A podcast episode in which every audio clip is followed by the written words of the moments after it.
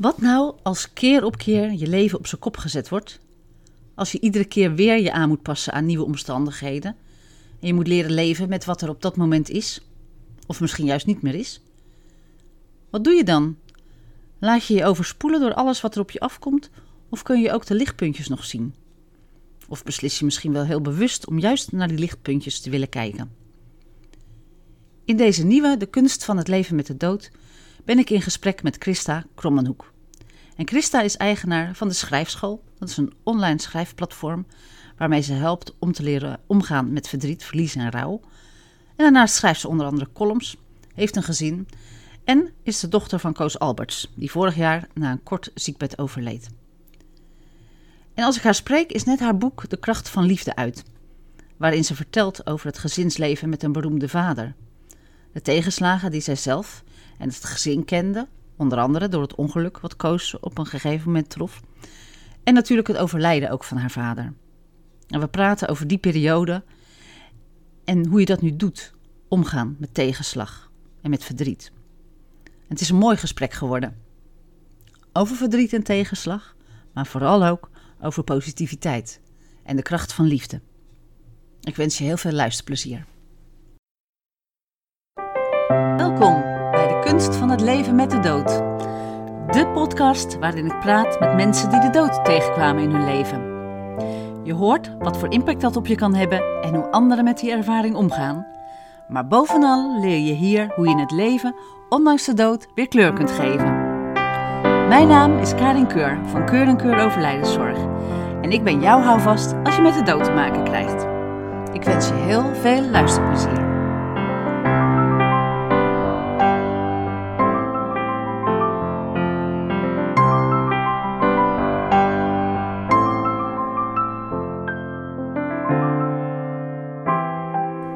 Christa, wat fijn dat jij mijn gast eh, wilt zijn.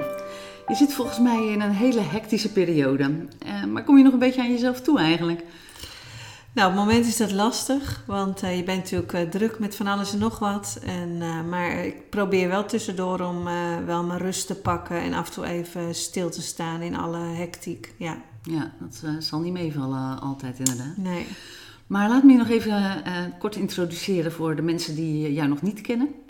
Jij bent Christa Krommenhoek, partner van Twan, moeder van twee kinderen en nog een bonuskind, dochter van Koos Alberts en eigenaar van de Schrijfschool. Dat is een online schrijfplatform dat helpt om te gaan bij tegenslag, verdriet en verlies. En schrijfster van De Kracht van Liefde over het leven van je vader en jullie gezin. Um, is dat een beetje wat het is? Zeg ik dat goed? Ja, dat is ongeveer wel uh, wat het is. Ik schrijf nog columns op Life of Chrisje. Daar heb ik ook nog een uh, eerste boek van gemaakt, Bestemming Bereikt. En, en ik ben eigenaar van de schrijfschool. Ja, dus dat klopt. Ja. Nou, Um, het boek De Kracht van Liefde, daar gaat het vandaag ook een beetje over, want die is net uitgekomen. En ik heb het gelezen en ik ben eigenlijk diep onder de indruk van uh, jullie levenshouding. Van uh, jullie als gezin, ja. maar ook van ieder afzonderlijk. Um, en daar wil ik het straks nog verder met je over hebben. Want toen ik het zo zat te lezen en dit zat voor te bereiden, toen viel me eigenlijk op dat wat je met de schrijfschool doet, eigenlijk heel dicht bij jezelf ligt. Ja. Klopt dat wel? Nou ja, bij de schrijfschool wil ik eigenlijk een plek bieden voor mensen dat ze ergens een verhaal kwijt kunnen. En uh, mijn leven is natuurlijk vrij turbulent geweest. prachtig leven, maar ook wel heel hectisch. En ik denk dat er heel veel mensen zijn die tegenslag in hun leven ervaren. Alleen de vraag is hoe ga je dan verder en hoe ga je door en hoe ga je weer opstaan. En dat is waar ik andere mensen mee wil helpen, ja. met opstaan. En, maar juist omdat je daar zelf ook veel ervaring mee hebt, ja. leek me dat dat dan vrij dicht uh, bij jezelf ligt. Ja, ze zeggen altijd uh, make your mess your message. Dus ja. van je eigen uh, probleem of je eigen ervaringen je boodschap maken en anderen hè, mee ondersteunen. Ja. ja. Ik wil straks nog met je verder praten over het nu eigenlijk, maar ik zou eigenlijk eerst met je terug willen naar je jeugd. Want uh, voordat je de dochter van Koos Alberts werd, ja. was je natuurlijk gewoon Christa. en um, kun je iets vertellen over dat meisje van toen? Wat, wat, wat was je voor kind? Uh, nou ja, vooropgesteld dat ik natuurlijk altijd Christa ben gebleven. Uiteraard, toen ik de uiteraard. Was. Ja. maar voordat hij nog geen Koos Alberts heette, was ik denk ik een heel, uh, nou ja, op zich rustig, maar wel spontaan meisje. Uh, ja, speelde heel veel buiten in een heel veilig uh, dorp, een leuk gezin. Ja, volgens mij was ik echt uh, ook wel misschien wel een beetje zo'n spring in het veld. Maar ik denk dat spontaan wel het woord was wat bij mij hoorde toen. Ja. ja. ja. Oh, je zegt heel mooi toen. Is dat veranderd? Ja. Nou ja, hoe ouder je wordt, hoe meer je dat kind natuurlijk verliest. Ja. Een beetje in jezelf, in alle serieuze dingen van het leven. En uh, ik heb wel op jonge leeftijd al heel veel verantwoordelijkheid gekregen. Dus ik denk dat ik vanaf mijn vijftiende al toch wel vrij snel volwassen ben geworden. Dus dan verlies je toch een beetje dat, ja, dat, dat kinderlijke, dat spontane. Het onbevangene ja, ook. Ja. Ja. ja. Want um, ik denk dat toen je vader wel bekend werd, dat jullie leven ook al veranderde. Ja, nou ja, dat is denk ik ook wel heel goed in het boek terug te lezen. Om, uh, om te zien hoe groot die verandering eigenlijk wel niet is. En niet alleen maar dat je dan in één keer hè, ben je bekend in Nederland of is je vader bekend. Maar ook meer praktisch gezien wat het allemaal inhoudt. Hè? Dat als je ouders heel vaak van huis zijn, alleen maar aan het optreden zijn.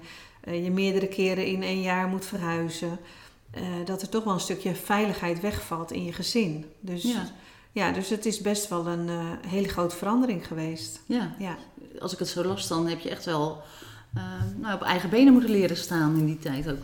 Ja, ja, nou ja, weet je, mijn oma kwam dan af en toe wel in huis, maar uh, ja, een gewoon gezin waren we niet meer. Nee. En zijn we ook, nou ja, niet meer geworden in die tijd, zeg maar. Nee. Nee.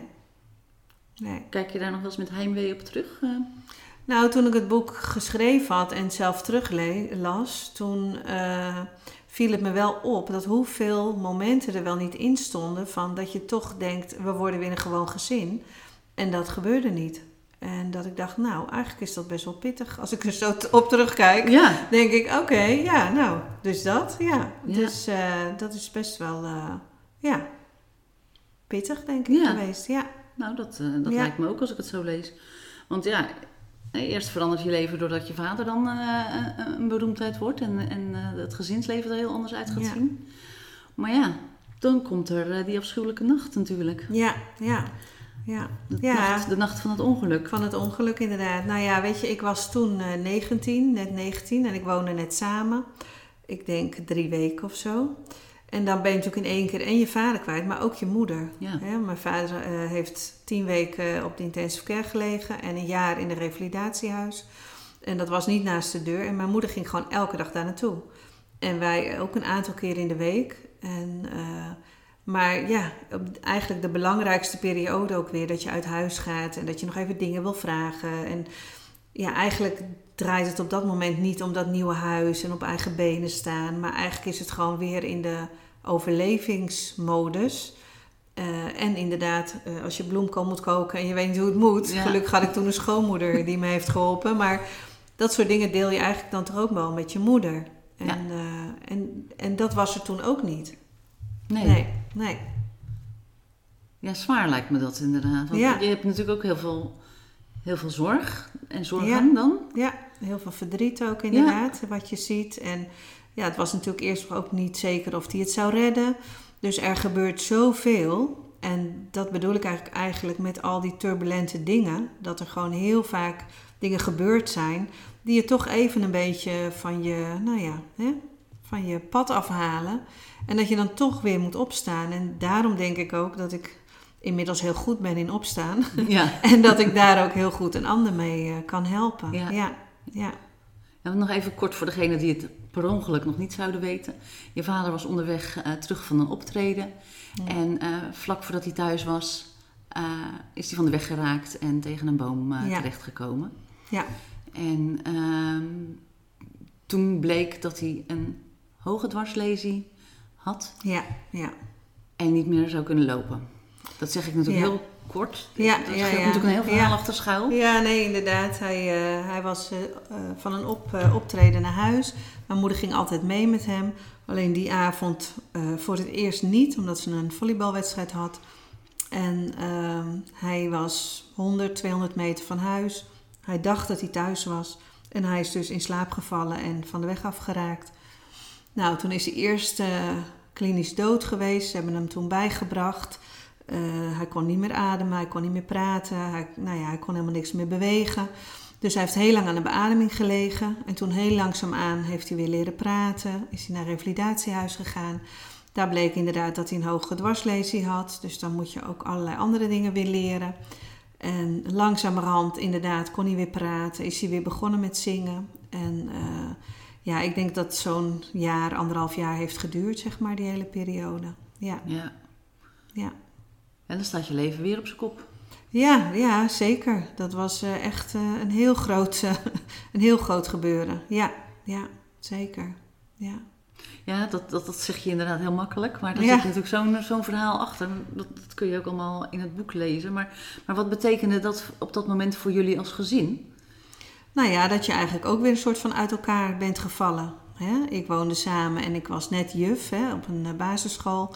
Dus eh, je moet weer naar je werk. Mijn broertje was 16, die woonde nog thuis. Die moest gewoon naar school. Mijn moeder was hele dagen in het revalidatiehuis. Dus eigenlijk ben je op dat moment ook gescheiden van elkaar. En dan, eh, kijk, en daarom heet het boek ook De Kracht van Liefde, omdat het gewoon eh, bewezen is, in ons geval dan, dat die liefde je er gewoon doorheen sleept. Dat ook al leef je dus apart van elkaar en ook al heb je zo'n zware periode, eh, dat je het als gezin toch gaat redden. Ja, Ja, want jullie eh, wekken de indruk eh, inderdaad dat jullie heel hecht zijn. Terwijl er toch, nou ja, binnen het gezin heel wat uitdagingen geweest zijn zo in de loop der tijd. ja. ja maar ik geloof wel dat bij ons, want het is niet zo dat we dat inderdaad hè, doen voorkomen of zo. Het is ook gewoon zo dat we heel hecht zijn en waren. En ehm, ja, wij, ja, wij weten niet anders hoe je het moet aanpakken dan als gezin. Dus je doet het gewoon. Ja. En eh, dat voorbeeld hadden we natuurlijk ook van mijn ouders. Dus we hebben dat als gezin ook altijd zo doorgezet, zeg maar. Ja, En mijn moeder zei ook altijd van, ja, weet je, je moet niet kijken naar wat je niet hebt. Maar kijk naar wat je wel hebt en daar ga je mee aan de slag. Dus kom op de schouders eronder. En eh, ze zei geloof ik ook, ik heb de benen, jij hebt de armen, zei ze tegen mijn vader. En we, we komen er wel samen. ja, En dat, dat zijn ze ook gekomen. Dus ze zijn er ook gekomen weer. ja. Ja. Ja, maar je bent inderdaad als gezin wel... eh, nou ja, je, je, daar moet je wel ook in- eh, tijd in investeren. Want je kan ook heel makkelijk uit elkaar gaan als Ja. er zoiets moeilijks op je pad komt. Ja, Dus- en een stukje instelling, levenshouding. Ja, een stukje positief zijn en inderdaad hoe je in het leven staat. En, eh, maar inderdaad, ik denk ook in, bij zulke ingrijpende gebeurtenissen, hè, net als bij een overlijden, dat je heel makkelijk ook uit elkaar kan eh, groeien en van elkaar weg kan gaan. Maar in ons geval is dat gelukkig eh, de andere kant eh, op geweest. Ja, Ja. ja. Nou, in je eigen leven heb je ook wat problemen moeten overwinnen op het gebied van relatie, gezondheidsproblemen. ja. Ehm, heeft de houding die je bij je ouders zag je toen ook geholpen? Ja Want die gingen heel wel. erg voor elkaar. Hè? We gaan, Ja, ja. ja, dat denk ik wel. Ik heb natuurlijk eh, eh, altijd hun als voorbeeld gehad. En op het moment eh, dat mijn man toen de tijd vertrok en mij dus alleen met twee kleine kinderen achterliet, ja, dan, dan kun je natuurlijk bij de pakken neer gaan zitten. Maar je kunt ook weer opstaan. Je hebt twee kleine kinderen en je moet er gewoon wat van maken. ja. En op het moment dat ik een auto-ongeluk kreeg en ook allerlei vormen van reuma en andere dingen kreeg, ja, dan kun je ook heel verdrietig worden. En, eh, en, en natuurlijk moet je dat ook zijn en dat mag je ook zijn. Maar daarna moet je wel weer gaan kijken, oké, nou wat kan ik nu doen om het gewoon zo leuk mogelijk te maken? En dat is wel, eh, ja, weet je, ik heb het idee dat ik, ik heb echt alle vormen meegemaakt volgens mij. Eh, dus ik ben nu een soort van ervaringsdeskundige. En voor mezelf heb ik daar gewoon een vorm in gevonden. En ja, voor mij werkt dat. Ik kan nu gewoon iedere dag denken: oké, ook al regent het, eh, ik zie gewoon nu de zon schijnen. Ook al is het niet makkelijk altijd, maar ik probeer gewoon altijd het positieve te zien. Ja. Ja, Maar dat Ja. lees ik ook terug bij je ouders. ja, ja, ja dat is Eh, echt Ondanks gewoon alle twijfels en moeilijkheden Ja, die, eh, die ook in het boek staan. Altijd positief blijven. Ja, dat is best knap. Dat is heel knap. ja. ja, ja. Ja, ja, zeker omdat jullie eh, behoorlijk wat meegemaakt eh, hebben. Ja, ja, zelf weet je, je bent er natuurlijk mee opgegroeid. Hè? Dit boek is natuurlijk eigenlijk mijn hele leven. Dat gaat er over het moment dat ik geboren word tot afgelopen januari 2019. Dus uh, ja, weet je, ik weet niet beter. Dit is mijn leven, ik ben er al aan gewend. Maar voor een ander die het misschien leest, die denkt inderdaad, nou, ja. dat is best pittig. Uh, ja. Ja. ja, en dan weet je, ondanks dat het toch best pittig was, ja, kijk ik er gewoon wel op terug dat ik een prachtig leven heb tot nu toe. Ja, want we praten nu natuurlijk over de tegenslagen. Ja. Uh, over het algemeen wegen die uh, zwaarder, maar er zit ook heel veel moois in. Ja. In dat leven en in het leven van je ouders en, en als jullie als gezin. Ja, ja. Ja, en ik denk dat we daar ook steeds naar gekeken hebben. En, uh, en ze zeggen altijd wat je aandacht geeft groeit. Dus als je kijkt naar alles wat je hebt en waar je dankbaar voor bent en hoe rijk eigenlijk je leven is, hè, uh, ja, dan wordt dat alleen maar groter. Ja. Ja. Ja, maar dan moet je dat wel bewust doen? Daar naar kijken op momenten dat het moeilijk is?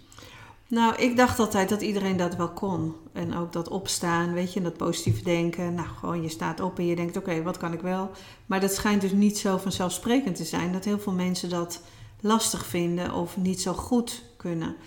En als het denk ik niet in je houding zit, in je natuur zit, dan moet je daar wel moeite voor doen. Dan moet je wel van die herinneringen hebben of mensen hebben die je volgt, waar dan ook, die jou even weer doen beseffen, oh ja, wacht even, zo kon ik het doen. Dus dat, dat, bij de een gaat dat misschien heel natuurlijk en de ander moet er gewoon misschien iets meer moeite voor doen om het bewust te gaan doen. Ja, ja soms is het ook een keuze, heb ik ervaren, dat je uh, inderdaad voor jezelf kan bedenken van oké, Ehm, nu dreig ik overspoeld te raken door de narigheid of wat dan ook. En eh, wat wil ik en welke keuze moet ik dan maken? Ja. Nou ja, ik heb... En dat klinkt makkelijker dan het is. Dat is ook zo, ja. Want iedereen kan, zegt voor de ander... ja, maar je moet gewoon even zo en zo ja, doen. Dat en dat is niet zo. Als je daar zelf in zit, is dat lastiger. Alleen, ik zie wel echt heel veel mensen... en dan met name ook vrouwen worstelen, inderdaad... in hun eigen situatie... En dan uh, met de dingen die ze meemaken, maar ook uh, hun leven, wat anderen van ze vinden en wat de familie vindt. En, en, en dat ze toch in een soort van, ja, het is een soort worsteling. En toch steeds zoeken naar dat wat bij ze past, maar het eigenlijk ook niet aandurven gaan. En daardoor in die oude situatie blijven zitten. En ik denk dan, ja, als je niet happy bent of je bent verdrietig of je bent, weet je, dan moet je er gewoon iets, iets mee doen. Weet je, en, eh, want morgen, ik bedoel, we weten allemaal, morgen kan het voorbij zijn. Ja. En als je dan jaren blijft twijfelen en zegt: Ik ben eigenlijk niet meer gelukkig in mijn baan, of ik ben eigenlijk zo verdrietig daar en daarom, dan denk ik: Ja, ga het dan aanpakken. En als je het niet alleen kan, dan vraag je hulp aan iemand. En, want het is zo zonde. Het gaat het leven zo snel is voorbij. Hè? Ja, het en, is te kostbaar we zijn zo druk met van alles en nog wat. Dat, dat, en je weet het pas op het moment dat de telefoon gaat en dat, of dat je iets hoort en dat je denkt, ja, nu kan het niet meer. Of nu. En, dus dat, en wij hebben dat natuurlijk een aantal keren wel meegemaakt. En ja, ik ben me heel erg bewust van dat ik vandaag moet genieten. En het wil niet zeggen dat ik alleen maar leuke dingen doe of dat iedere dag een feest is. Helemaal niet. Maar ik ben me er wel van bewust dat ik iedere dag weer probeer om er iets moois van te maken. Omdat het misschien wel is. Nee, je hoeft niet in angst te leven, maar je mag je er wel bewust van zijn dat je tijd gewoon kostbaar is. Ja. Ja, ja. ja dan, nou, dat, dat is het ook echt. Ja. ja. ja. En jullie hebben uh, ja, heel veel tegenslag gehad, maar ook heel veel mooie, mooie jaren. Maar ja, toen werd het vorig jaar 2018. Ja. Ja, weer heftig. Weer heftig, hè? Ja, ja het laatste Want, heftige denk ik dan maar weer. Ja, en eerst uh, uh, was het in, in mei geloof ik al uh, het jaar dat je vader nog op het podium stond bij, bij de toppers. Ja, ja 68.000 man in de arena. Ja. En hij werd met groot enthousiasme ontvangen. Kan ik uit eigen ervaring zeggen, want oh, ik was er toevallig bij. Oh, leuk. Um, dus dat was, was heel mooi om hem daar ook te zien. Maar het was ook het jaar dat hij ziek werd. Ja, ja. Kun je vertellen wat er gebeurde? Nou ja, het is best een een lang verhaal, denk ik. Maar inderdaad, op het moment dat hij in mei op het podium bij de toppers stond, was hij eigenlijk al ziek. Alleen wisten we dat natuurlijk nog niet. En begin juli uh, kregen we inderdaad te horen dat hij blaaskanker had. En bij dwarslesiepatiënten moet dat eigenlijk ieder jaar gecontroleerd worden. maar ja, dat gebeurt niet. Hè. Die onderzoeken worden niet bij iedereen jaarlijks gedaan. Uh, maar zij hebben wel meer kans uh, op blaaskanker. En toen, uh, de avond voordat ik 50 werd, waren we dus in het ziekenhuis voor de uitslag van een, van een, een kijkoperatie. En toen was eigenlijk al duidelijk nou, dat het niet goed was en dat het niet meer. nou ja, ze zeiden nog wel het is behandelbaar, maar eigenlijk achteraf gezien was het eigenlijk al niet, niet goed. Maar, maar ja. je, kreeg, je, kreeg je dat toen mee? Ja, nou, moment? Ik voelde het wel en hij voelde het ook wel. Maar ja, uh, ik had 50 mensen uitgenodigd. Ik had een catering, ik had een feest, ik, had, ik werd 50. Ik ging dat uh, groots vieren. Ja. Terwijl je eigenlijk helemaal geen zin hebt om een verjaardag te vieren. Dat is een dubbele uh, van het leven, hè, dan? Ja, dus we hebben het wel gevierd de dag daarna. En, maar ik was me wel ervan bewust dat ik dacht... dit kon wel eens het laatste jaar zijn dat hij erbij is. En, dus het was een hele dubbele avond... Nou ja, en daarna ga je een traject in dat je eerst heel lang moet wachten tot je aan de beurt bent in het ziekenhuis. Dat was echt, nou dat beschrijf ik ook, dat is gewoon echt, ja, je wil het wel versnellen. Want je weet, de kanker groeit maar door. En, maar de tijd, ja, je kan gewoon de tijd niet stoppen. Je kan de dokters niet harder laten rennen. Uh, dus nou, uiteindelijk ben je dan aan de beurt en is hij geopereerd. Nou ja, en toen heeft hij nog vier weken in het ziekenhuis gelegen. Maar zoveel complicaties gekregen van de operatie dat hij uiteindelijk toch nog redelijk onverwachts uh, toch daaraan is overleden. Ja. ja. ja. En hoe ging hij daar zelf mee om? Want als ik het. Um, ik heb je vader niet gekend, maar um, volgens mij was het een hele lieve, beminnelijke man. Maar. Ja. Uh, nou, die ook heel graag wel, nou ja, die ook heel veel warmte had voor, voor het gezin en de mensen om zich ja. heen. Ja. Um, natuurlijk een hele sterke band met je moeder uh, heeft, die hem altijd heeft geholpen. Um, hoe ging hij daarmee om? Ja, mijn vader was natuurlijk altijd al wel heel emotioneel na het ongeluk, zeg maar. En, uh, en zeker in de tijd dat hij ziek werd, die, uh, die weken, die maanden, ja, was hij veel, nog veel emotioneler. Want eigenlijk zijn gezin, mijn moeder, ja, die stonden gewoon op één. En dan kon hij ook niet buiten. Dus dat zei hij ook, hoor, wat, wat moet ik dan zonder jullie, hè? Dus hij was heel erg emotioneel. En waar ik wel blij om ben, is dat hij niet geweten heeft, of misschien maar een uur, maar dat hij zo ziek was, dat hij dus niet in de gaten heeft gehad dat hij ging overlijden. Dus daar ben ik wel blij, uh, blij om dat hij dat niet heel lang heeft meegekregen. Ja. Nee. Heeft hij dat besef van tevoren niet zo uh, gehad? Hij heeft zich wel altijd druk gemaakt erom, want hij heeft wel dingen tegen mij gezegd. Uh, toen moesten we nog naar het ziekenhuis hoor. En toen zei hij al, ik wil dat de kinderen de kist dragen. Oh, ja. En zei ik, ja, maar pap, zover is het helemaal nog niet. Ik dacht, het natuurlijk niet. Nee. Nou ja, en zoveel weken later was het al zover. Ja. Dus het, het was toch nog heel snel. ja. ja. ja. Maar is hij niet angstig geweest om jullie dan los te laten? Of was het ja, omdat jullie zo op één stonden bij hem? Ja, nou, ik denk dat hij, dat hij die angst zelf wel heeft gehad misschien. Maar dat heeft hij niet gedeeld. En in, in het ziekenhuis is hij denk ik alleen maar bezig geweest om te overleven. Ja, want er gebeurde heel wat, hè? Ja, er is heel veel gebeurd. En ik denk niet dat hij het besef heeft gehad dat het niet goed ging. Nee, nee. nee. Daar heeft hij ook niet over gesproken. Nee. Nee, en in één keer ging het zo snel. Dus hij heeft daar gelukkig helemaal geen weet van gehad. Nee, nee. nee. nee. Nou, dat, dat is natuurlijk heel mooi aan de ene kant. Uh, ja. of, of sowieso. Maar ik zit er dan even over te denken. Dat moet voor jullie dan ook best een beetje een rollercoaster uh, geweest zijn. Want, of zagen jullie het wel al aankomen? Hadden jullie dat besef meer? Nee, ik denk dat wij ook dat besef niet hadden. Uh, kijk, ik denk dat je met name bezig bent dat je je vader daar zo ziet liggen en zo ziet vechten en strijden. En dat je denkt, ja, dit, dit had jij niet verdiend om dit nog een keer mee te moeten maken zo.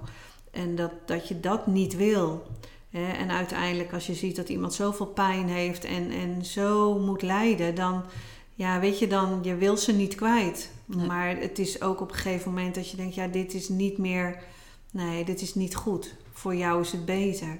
En op dat moment kun je dat natuurlijk niet echt beseffen of uit, spreek je ook niet uit. Maar achteraf is dit, is dit voor hem wel het beste geweest, ja. Ja. ja.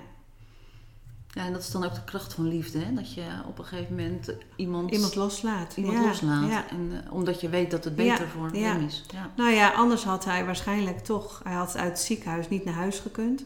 Dus dan had hij teruggegaan naar het revalidatiecentrum, waar hij zoveel heimwee heeft gehad vroeger, waar hij echt een strijd heeft moeten leveren.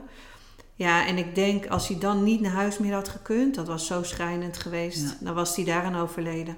Had ja. dit opgegeven misschien? Ja, dan Dat, en dat was natuurlijk nog veel erger geweest dan. Hè? En nu heeft hij er zelf geen weet van gehad. En hij heeft ook altijd gezegd: Ik hoop dat ik eerder ga dan, dan, hè, dan mijn moeder. Ja. En, en dat is, ja, klinkt raar, maar dat is gelukkig wel uitgekomen. En Ja. hoe staat je moeder daarin? Want, Ja, mijn moeder vond dat ook. Want die zag al, hij kon niet zonder mijn moeder. Nee. Nee, niet qua verzorging, maar ook geestelijk niet, mentaal niet. Dus als er wat met mijn moeder was gebeurd, dan had hij ook niet verder gewild. Nee. En dan hadden, hadden we een hele andere eh, situatie gehad. Dus voor alle partijen was dit natuurlijk het beste, als Ja. je van het beste kan spreken. Ja, dat is wel... Ja. Ja. Dat is Ja. even een heel relatief natuurlijk. Ja. Ja. Nee, ik, heb, ik heb je boek eh, natuurlijk gelezen. Ehm, hij, eh, ik kreeg hem vorige week binnen, dus ik had precies nog de tijd om hem helemaal door te lezen. Ja. Ehm, en ook daarin komt jullie saamhorigheid eh, weer zo naar boven. En de kracht van de liefde binnen jullie gezin of binnen jullie familie. En het, boek is natuurlijk een heel mooi ehm, document over het leven van de zanger Koos Alberts. Er staan ook heel veel mooie foto's in. Eh, maar ik vond het vooral ook eh, echt een getuigenis van een, een dochter van de liefde voor haar vader. En haar moeder ook. Mhm. Ehm, en hoef je helemaal geen fan van Koos Alberts te zijn om, eh, om dat een prachtig boek te vinden. En eigenlijk zou ik ehm, aan de hand van het boek wat dieper op eh, wat dingen in willen gaan. Ehm, nou ja, want we hebben het er net al een beetje over gehad. Ehm, je vader blijkt kanker te hebben. ehm, en in het begin heb je dan nog hoop op behandeling. Maar al heel snel moeten jullie mee in het verschuiven van de grenzen. Want elke keer Ja. blijkt er toch weer iets niet eh, te kunnen en moet je je hoop en je verwachtingen bijstellen. Ehm, en je beschrijft in je boek hoe dat ging. En, en je zegt dan: Het leven belt soms aan je deur en zegt dan: Loopt u maar even mee en spring maar zonder zwembandjes in het diepe. En dat is dus wat je doet. En je probeert niet te verdrinken. Was er een moment dat je dacht te verdrinken? Dat ik zelf dacht te Ja? verdrinken. Eh, nee, nee. Nee, weet je, ik denk dat ik zoveel kracht eh, heb verzameld eh, in mijn hele leven. Dat ik niet meer bang was om te verdrinken. Alleen je bent wel aan het overleven. Ja, Hè? Dus je bent aan het water trappelen, Ja. zeg maar. In dit geval ging dit stukje ook over mensen met kanker, inderdaad. ja, Hè, dat je af en toe met een medaille gelukkig het zwembad weer uit mag. Ja. Maar dat voor een ander dus iets anders is weggelegd. ja, Maar zelf heb ik niet het idee gehad dat ik ging verdrinken. Want kijk, op het moment dat je er moet zijn, ook voor je ouders, eh, dan moet je er ook gewoon zijn. ja, En ik denk dat we dat allemaal hebben gedaan. Dat je, je komt gewoon in een soort overlevingsmodus.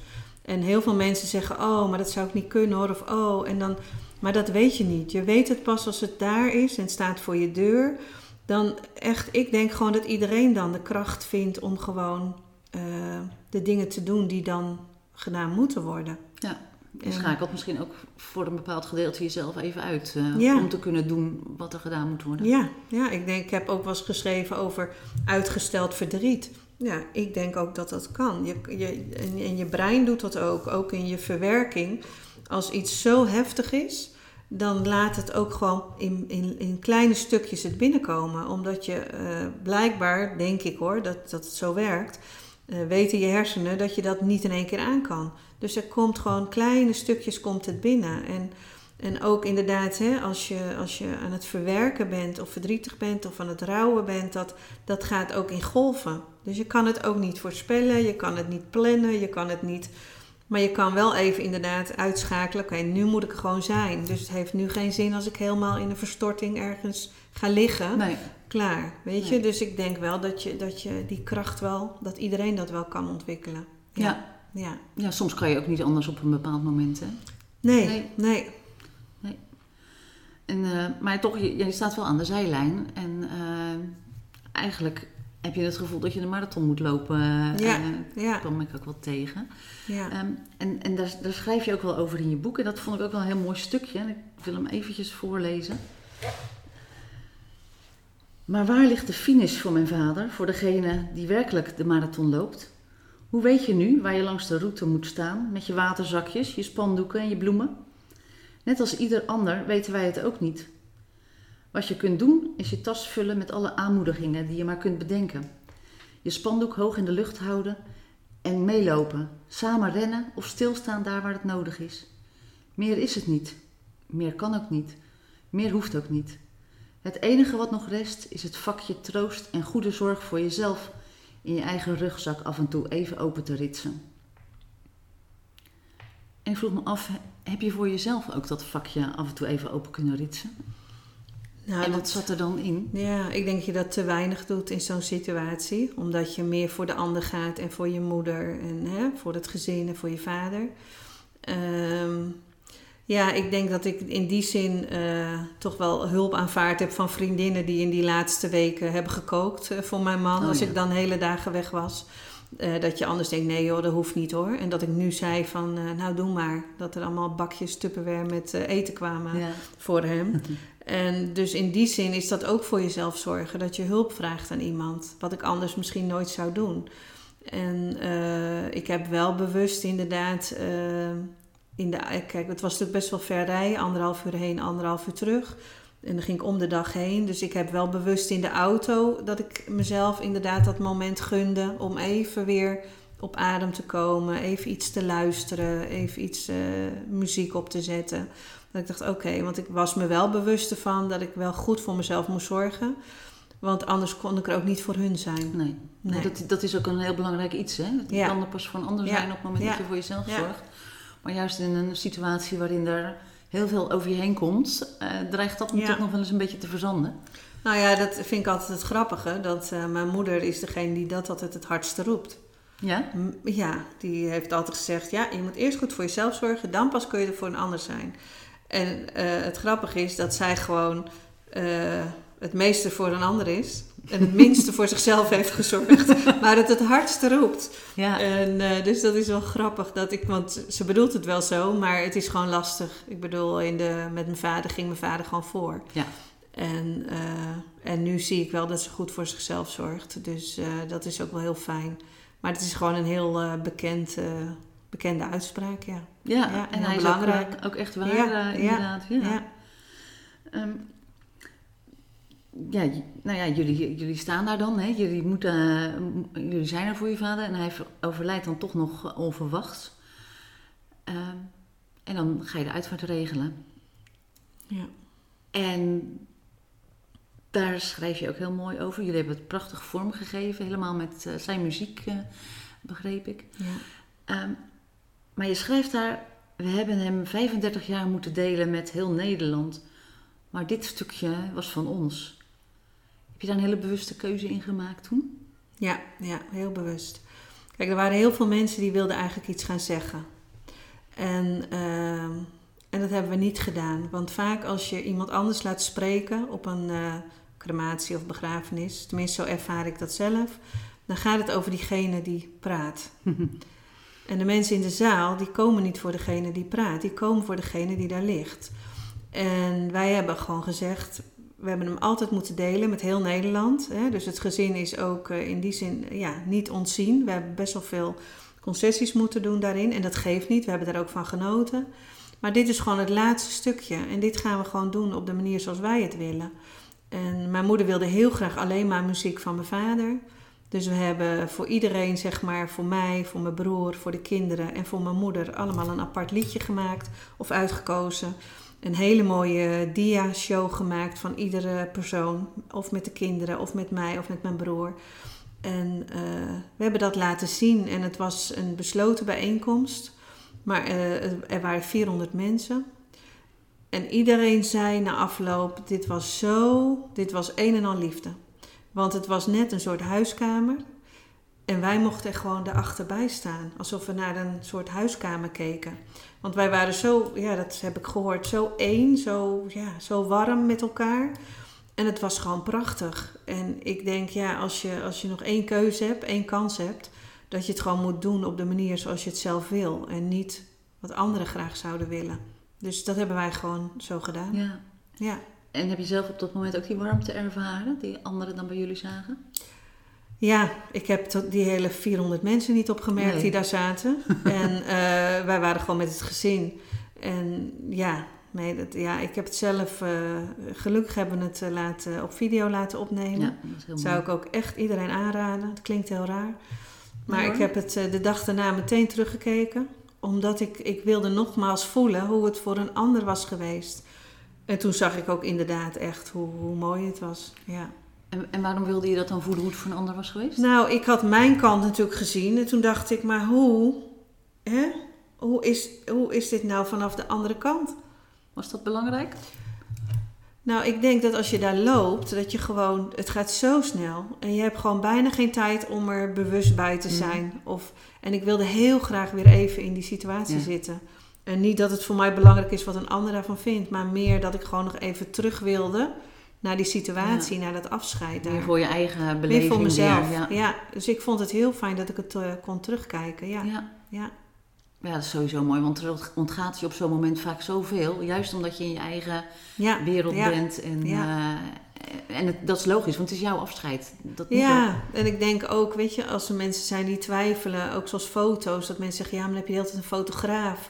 Nou, hè, een vriendin van mij, Esrela, die heeft dat prachtig vastgelegd. En je kunt dat zien in het boek ook. Weet je, die foto's die vertellen gewoon een verhaal. Je voelt gewoon de emotie in die foto.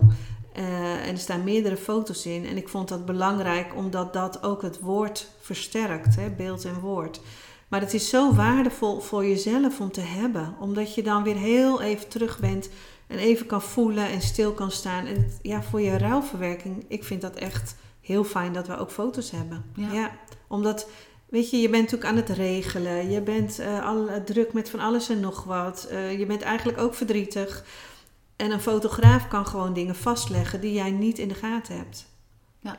Ik vond dat heel belangrijk. Ja, ja. is het ook. Ja. En lang niet iedereen doet het. En, maar het, achteraf Ja. heeft het zoveel meerwaarde ja, inderdaad. Ja, ja het is, je, moet, je moet het natuurlijk zelf allemaal zelf bedenken. Of hè, ik bedoel, of je dat wel of niet wil. En- Maar ik vond het echt, en de foto's en de video, ik vond dat echt, echt een meerwaarde. Ik ben echt blij dat wij dat gedaan hebben. Ja. Ja, ja. ja. Ja, en dan gaan jullie naar huis. Met een lege plek in jullie midden. Ja, dan gaat het pas beginnen. Dan hè? gaat- ja. Ja, ja, Ja. ja, zeker. Ja. En ehm, hoe kwam je op het idee van het boek? Was dat iets wat, wat eruit moest bij jou? Of, of, ehm, Ja, we hadden eigenlijk samen dat plan al in het ziekenhuis. Ehm, ik was natuurlijk altijd aan het schrijven, dus zat ik bij zijn bed en dan was ik, eh, had ik allemaal boekjes bij me en dan was ik aan het schrijven. En eh, dan zei hij, eh, ga je een boek over me schrijven? En toen zei ik, nou, misschien is het leuk als we dat samen gaan doen. Omdat er zoveel gebeurd is, dat je echt, ja, een soort rollercoaster, dat je denkt, wat is er nou eigenlijk allemaal gebeurd in ons leven? En omdat ik ook vond dat dit verhaal gewoon zo bijzonder was, dat, dat ik dat heel graag wilde delen.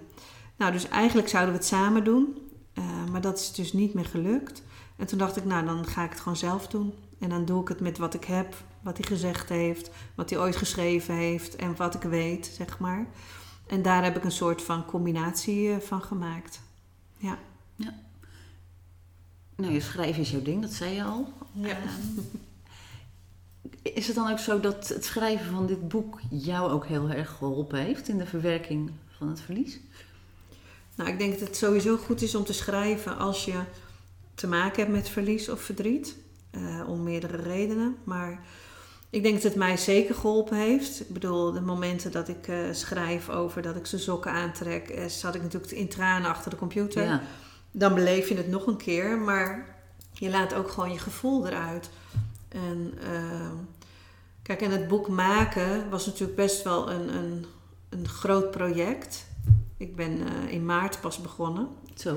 Ja, dus, eh, en het is makkelijker om een boek te schrijven wat je gewoon vanaf het begin tot het einde achter elkaar schrijft. Maar nu had ik al heel veel tekst.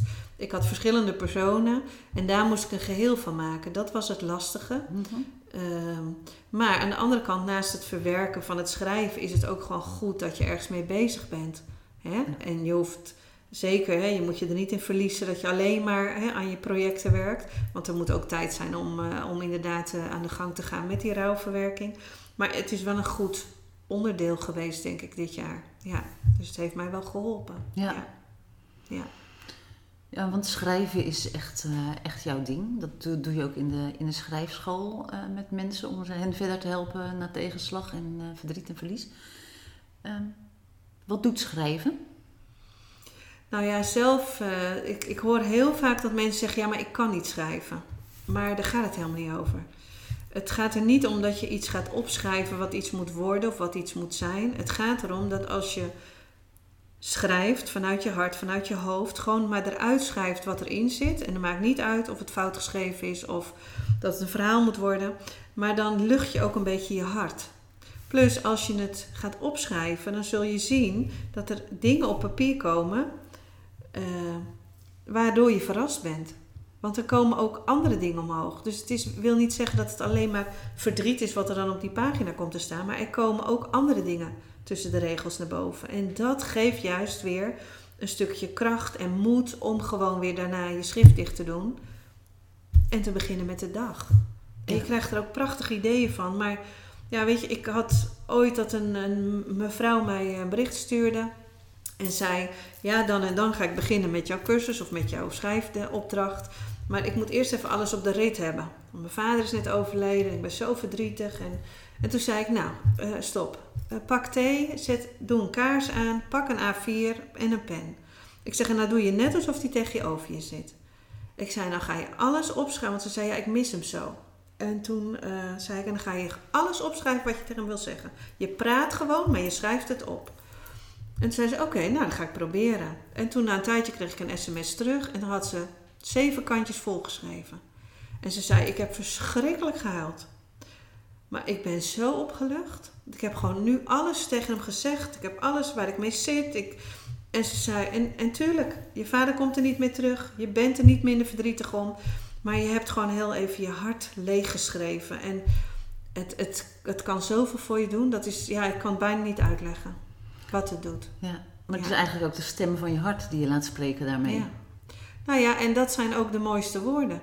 Weet je, als we gaan nadenken over, oh nee, wacht even, dat moet met DNT, dan stopt het. Maar je moet juist gewoon die woorden rauw gewoon op papier schrijven. En dat, dat worden echt je mooiste woorden, want dat zijn de woorden die het diepste van binnen leven. En soms zijn het hele verdrietige woorden, soms zijn het woorden van teleurstelling of van angst of weet ik veel. Maar het is wel dat wat op dat moment speelt. En het helpt je wel om dat eruit te laten. Want alles wat je. Hè, er zijn ook wel eens mensen die zeggen: Nou, ik durf niet te beginnen, want ik ben bang als ik ga beginnen, dan gaat er een beerput open. Maar ik moet dan altijd denken aan zo'n zo'n tekenfilm. Er van die groene ninja's in die putten zaten met die deksels die dan omhoog gingen in de straat. En dat ik denk dan, maar als je het niet eruit laat, maar het zit wel onder in die put, het duwt maar die deksel omhoog. En zolang jij er maar op blijft drukken naar beneden om hem tegen te houden, kan je denken, nou fijn, het is me gelukt. Maar als je maar iets loslaat, dan, dit is een bal onder water. Het, het moet er gewoon uit. Ja, het, zo'n putdeksel dicht houden, dat kost niet alleen heel veel energie. Ja. Je loopt ook nog eens een keer het risico dat het natuurlijk op een ongewenst moment opeens uitbarst. En, eh, Ja, en ik denk met name wat het allerbelangrijkste is, dat als je zo druk bezig bent om je gevoelens en je emoties maar te onderdrukken, dat je allerlei andere lichamelijke klachten krijgt. Ja. En dat dat dan weer kan leiden tot niet meer kunnen werken of iets met de familie of ziek worden, andere dingen krijgen. Daarom denk ik dat het heel belangrijk is dat mensen hun hart leeg praten of leeg schrijven, op wat voor manier dan ook.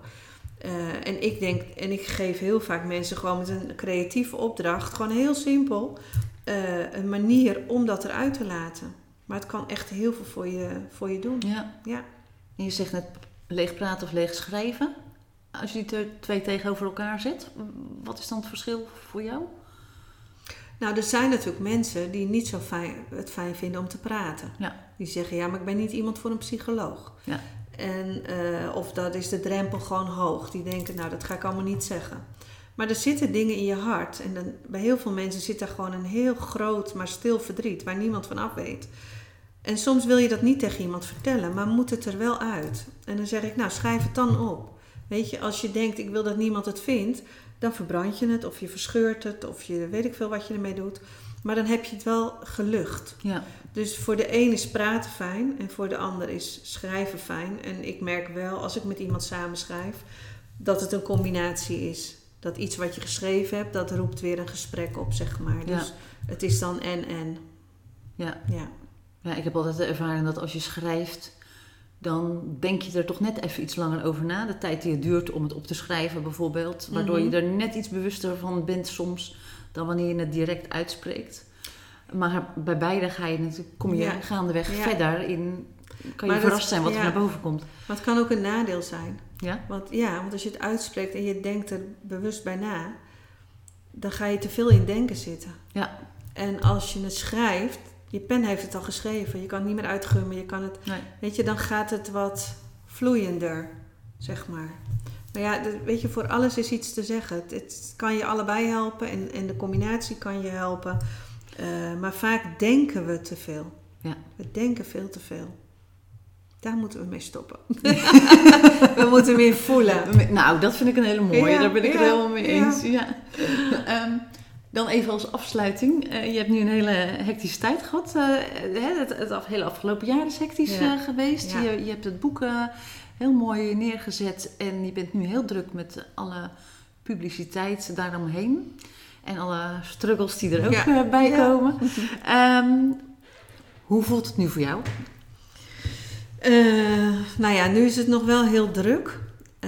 Maar ik moet wel zeggen dat het is natuurlijk een heel groot project geweest.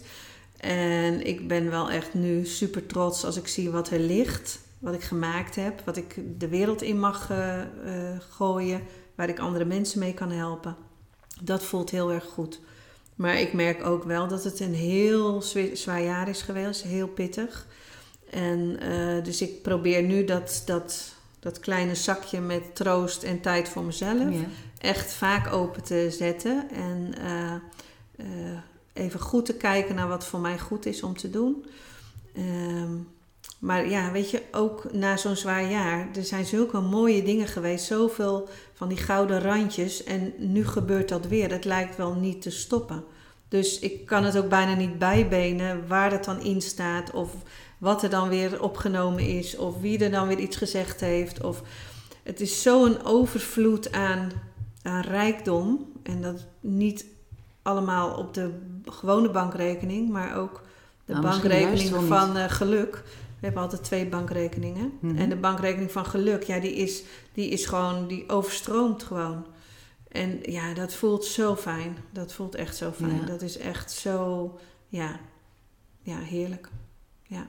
Mooi. Mooi dat daar ook ruimte voor is om, Ja. dat, om dat te blijven zien. Ja. Ja, ja, weet je, ik denk altijd als je allemaal maar doorrent en inderdaad eh, aan het kijken bent naar een groter huis, grotere auto, eh, wat hebben de buren, eh, weet je, wat moet ik aan, wat, eh, nou noem dan maar op. Het gaat er gewoon om dat als je buiten, tenminste voor mij, dat als je buiten loopt, en ik was net de bladeren aan het eh, vegen buiten, en dat je gewoon in die bladeren zie je nog gewoon een heel mooi klein veertje, zo'n wit veertje. En toen dacht ik, oh ja, dat zijn nou die gouden randjes. En eerst veeg ik door, denk ik, oh ja, nee hoor, gooi me weg. En denk ik, nee, wie de kleine niet eert. Ja. Dus dan pak ik hem toch op en dan doe ik hem toch bij mijn vaasje met de veren. Ja. Want dan denk ik, ja, het is belangrijk in dit hele leven van eh, ook online en ook van zien en gezien worden en, en wie je bent en wat je bereikt hebt. Is het gewoon belangrijk dat je gewoon de kleine dingen blijft zien waar het in het echte leven echt om draait. Ja. En kun je dat leren als je dat niet van nature hebt? Dat kun je wel leren, ja. Ik denk dat iedereen dat kan leren. Alleen als je niet het voorbeeld hebt gehad, is het fijn dat je andere mensen ziet of leest of op tv ziet of op social media ziet, die jou een klein beetje daarin eh, misschien het voorbeeld kunnen geven. Ja, En volgens mij ben je daar heel goed mee bezig. ja volgens mij ook. Ga zo door en eh, heel fijn. Dankjewel voor dit gesprek. Ja, graag gedaan.